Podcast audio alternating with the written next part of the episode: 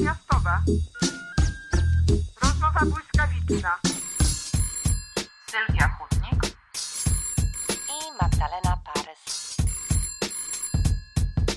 Serdecznie witamy. Kolejny odcinek podcastu Międzymiastowa, czyli Sylwia Chudnik z Warszawy i Magda Parys z Berlina, która to Magda właśnie jest tuż, tuż przed premierą swojej najnowszej powieści Książę.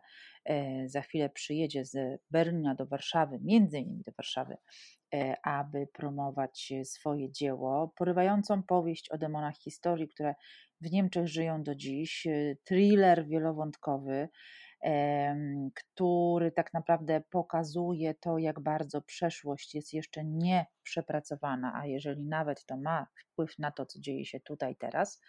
E, Magda Parys pewnie jeszcze o swojej powieści e, opowie, mam nadzieję, w naszym podcaście. Ja e, jestem w związku z tym główną dowodzącą w międzymiastowej, a mm, skoro książki nami rządzą, bo ja też tuż przed premierą swojej, oprócz tego jeszcze po dwóch festiwalach literackich, no to postanowiłyśmy z Magdą, że porozmawiamy o tych lekturach y, towarzyszących nam y, w ostatnich dniach. Zresztą już taki jeden odcinek y, popełniłyśmy i cieszył się popularnością. Myślę, że ludzie nadal chcą słuchać i, poleca, i, i chcą, żeby polecano im mm, książki do czytania, a przecież tym się też z Magdą e, zawodowo zajmujemy, blerbując, czyli właśnie polecając na tylnych stronach okładki mm, te książki, które wywarły na nas szczególne wrażenie, bądź też po prostu czytając już te mm, książki, które się ukazały na rynku, ale y, które wydaje nam się, że są szczególnie warte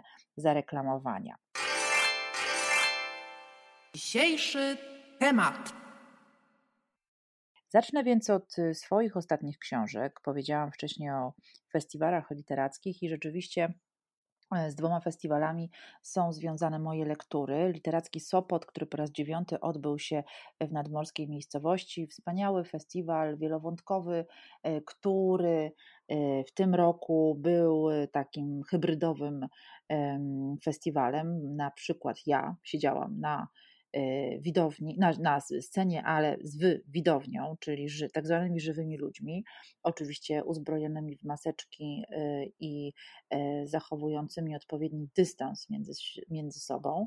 No a osoba, z którą rozmawiałam, kanadyjska autorka Madeleine Tien, była z nami wirtualnie, była y, na ekranie, mogliśmy ją słuchać, mogliśmy ją widzieć, no ale nie mogliśmy być y, przy niej blisko.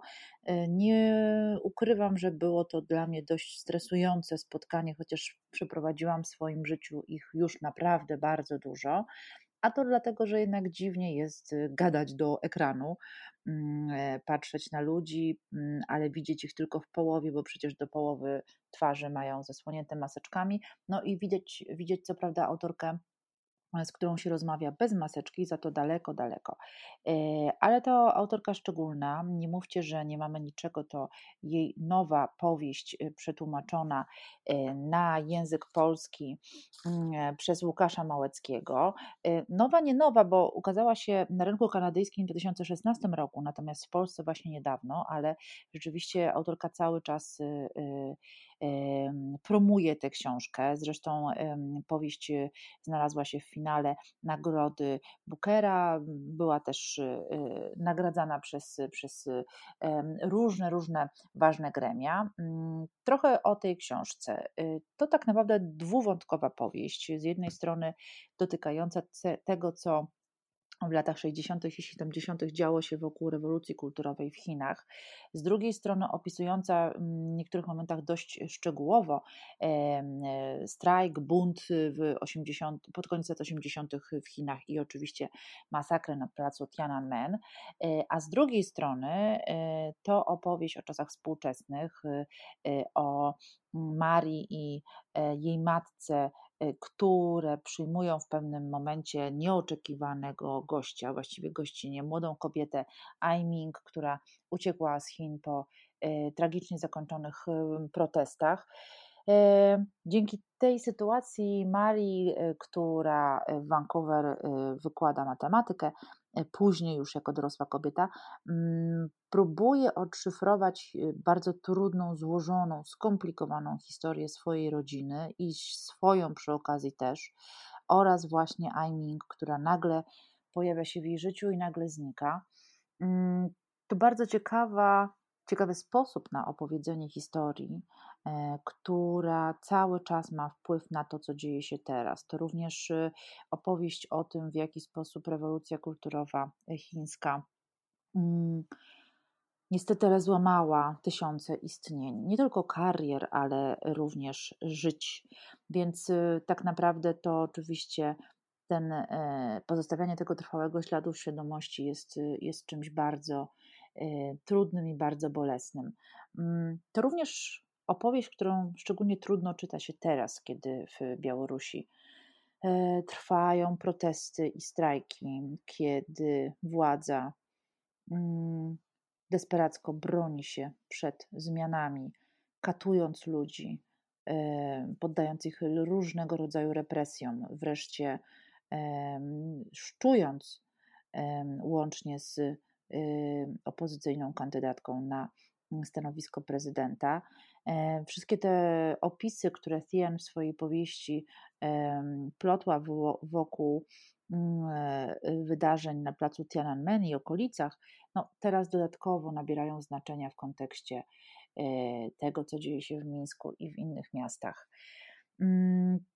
To pierwsza książka i pierwsza, pierwsza mm, autorka, z którą rozmawiałam w ramach literackich festiwali. Druga natomiast y, książka to równie ciekawe, ale już dotyczące tej naszej współczesnej historii.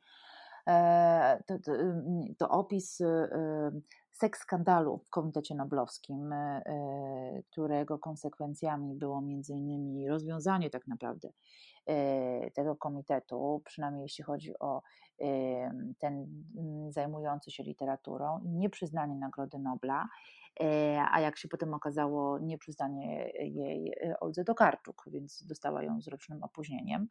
Matilda Vos-Gustafsson e, w tłumaczeniu Justyny Czechowskiej to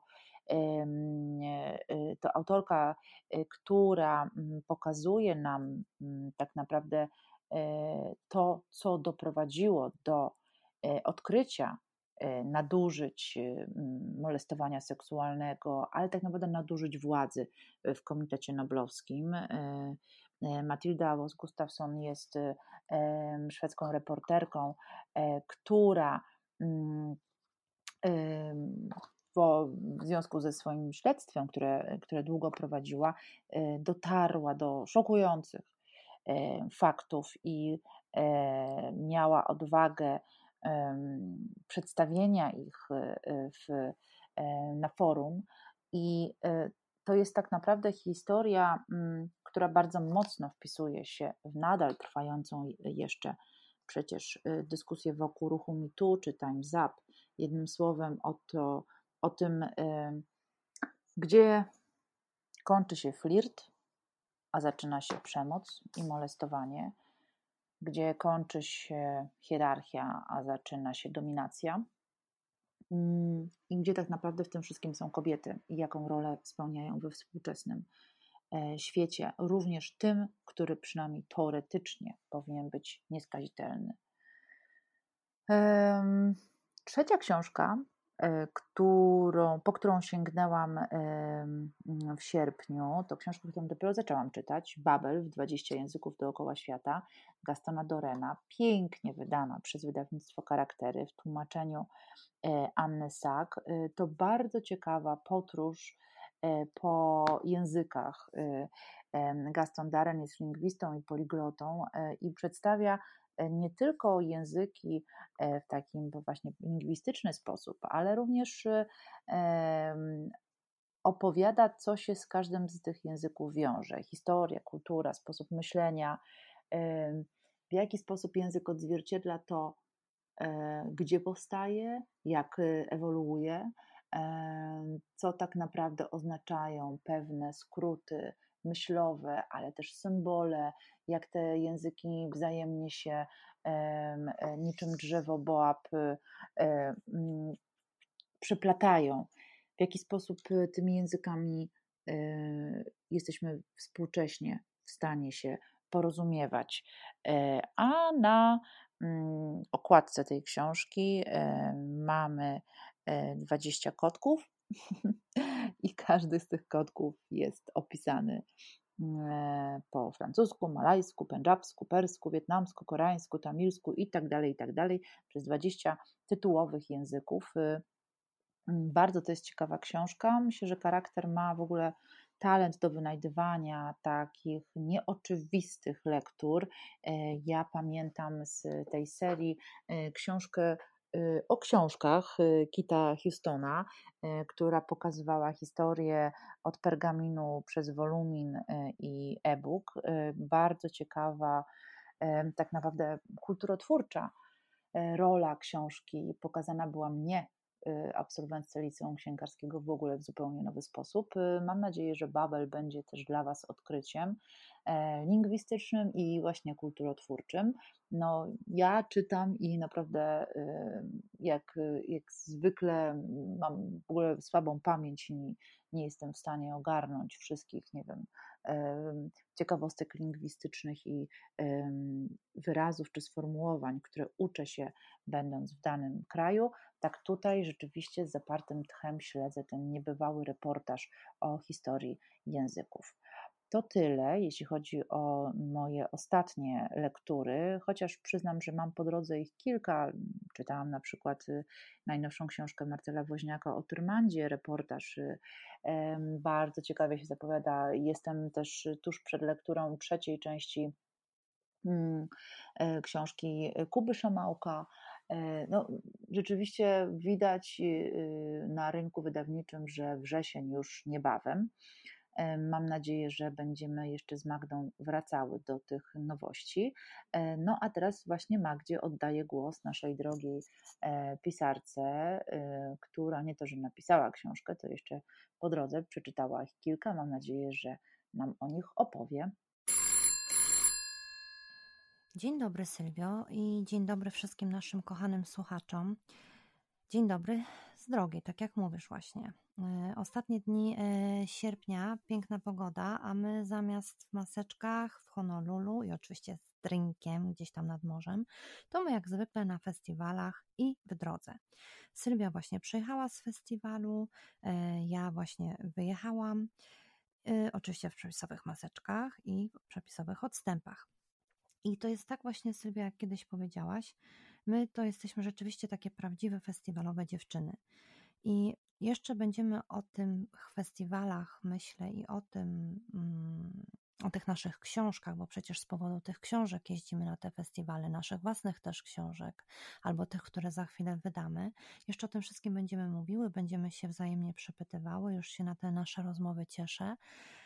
Ale zanim to nastąpi, e, zanim będziemy mówiły o własnych książkach, i się wypytywały, to opowiemy trochę, albo już właściwie Ty sobie opowiedziałaś, więc ja opowiem trochę o książkach innych autorów, e, takich, które wywarły na nas jakieś szczególne wrażenie.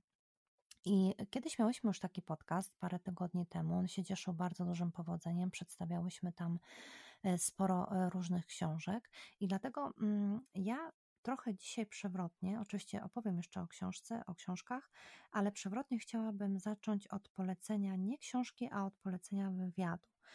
E, wywiadu, który przeczytałam w piśmie e, cudownym magazynie, który oczywiście, którego oczywiście nikomu przedstawiać nie muszę i nie ma co go polecać, bo wiadomo, że wszyscy go czytamy.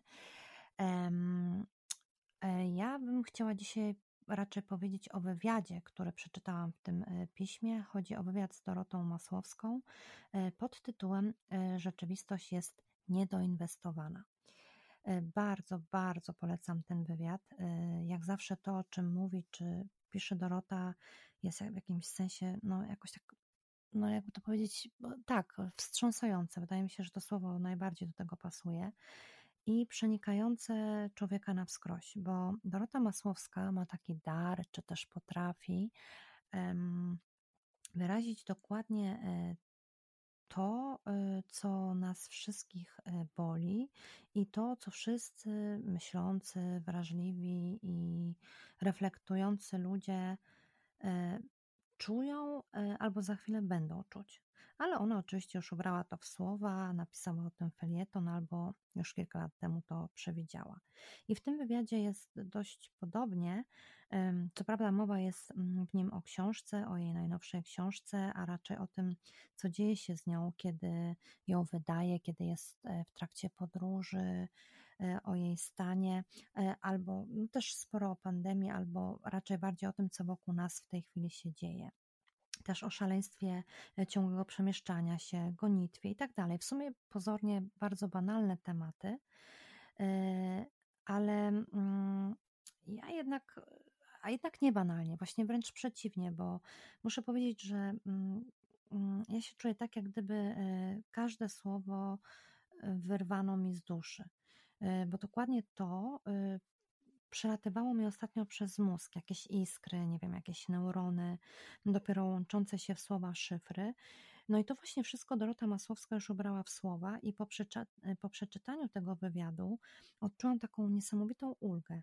Y, że ja wcale nie jestem przewrażliwiona, czy jakaś tam egotyczna, czy jakaś, nie wiem, odleciana, bo proszę bardzo, tuż obok mnie mądry, elokwentny człowiek, mądra pisarka, myśli bardzo podobnie i stara się z tym, co wokół nas uporać. Oczywiście nie będę tutaj wnikać, o czym ten cały wywiad jest, bo on jest naprawdę bardzo długi, wnikliwy i taki bardzo refleksyjny. I nie o to chodzi, żebym tutaj go streszczała czy go cytowała, bo bardziej chodzi o to właśnie, żeby zachęcić Was do przeczytania tego. Bardzo, bardzo Ci go polecam, Sylwio, chociaż jak znam życie, tego już sto razy e, przeczytałaś e, jakoś pewnie dużo wcześniej niż ja ale właśnie, żebyście sięgnęli po, ten, e, po to wydanie, po to pismo i sami się z tym wywiadem zapoznali. I jeszcze na koniec chciałabym powiedzieć, że mm, ten wywiad, tak jak już mówiłam, przyniósł mi ulgę, bo ja zawsze jakoś czuję się po przeczytaniu książek Masłowskiej, czy w ogóle po przeczytaniu jej felietonów, albo po, y, tak jak teraz po przeczytaniu tego wywiadu z nią, jak po przeczytaniu jakiegoś takiego, nie wiem, jakby to powiedzieć, no tak, y, pięknego i bolesnego wiersza. Dokładnie tak. I wywiad z nią, e, e, z Masłowską znajdziecie w ostatnim numerze pisma, czyli w numerze 8 z sierpnia tego roku. Bardzo, bardzo polecam. I kolejną rzecz, e, którą chciałabym bardzo polecić, to program Fakty po faktach. Oczywiście nie każdy program Fakty po faktach w TVN24, bo na ten program naprawdę trzeba mieć stalowe nerwy albo przynajmniej jakąś taką totalną odporność e, na otaczające nas polityczne bagno. Przeważnie jest tak, że zaproszeni do rozmowy tam politycy przekrzykują się, wrzeszczą, obrażają albo klepią te swoje wyuczone na pamięć historie. E, I właściwie tych rozmów e, między politykami nie polecamy. Oczywiście wiadomo, że te rozmowy polityków nie toczą się wyłącznie faktach po faktach. W TVN24 wszędzie ich pełno, ale Przytaczam akurat fakty po faktach, dlatego w TVN24, e, ponieważ bardzo polecam go wtedy, kiedy do programu przyjdzie jakiś pisarz, a tak było na przykład, kiedy przyszedł Stasiuk i powiedział słuchaczom nagle prawdę. E, no to było niezwykle kontrastujące z tym, co zazwyczaj w tym e, programie się dzieje albo kiedy przyjdzie tam jakiś socjolog, albo profesor, albo uwaga, tak jak to miało miejsce ostatnio, bodajże 23 sierpnia, e, kiedy właśnie do tego programu przyszedł, e, przyszli mm, ksiądz albo księża e, i właśnie 23 sierpnia mm, stosunek do osób nieheteronormatywnych komentowali w faktach po faktach naczelny rabin polski Michael Szudrych i ksiądz profesor Albert Wierzbicki. W jakiś taki wzruszający sposób y, mówili, kiedy Tora, y, kiedy Biblia mówią, y, że mamy obowiązek kochać każdego człowieka, a nie tylko człowieka, który jest dokładnie taki jak my. Mamy obowiązek kochać każdego człowieka. Jak to brzmi, prawda? W programie, w którym zazwyczaj klepie się tylko wszystko właściwie wokół niekochania, niemiłości, raczej nienawiści, złości, agresji i tak. Wybrzmiało to jakoś tak bardzo szczególnie.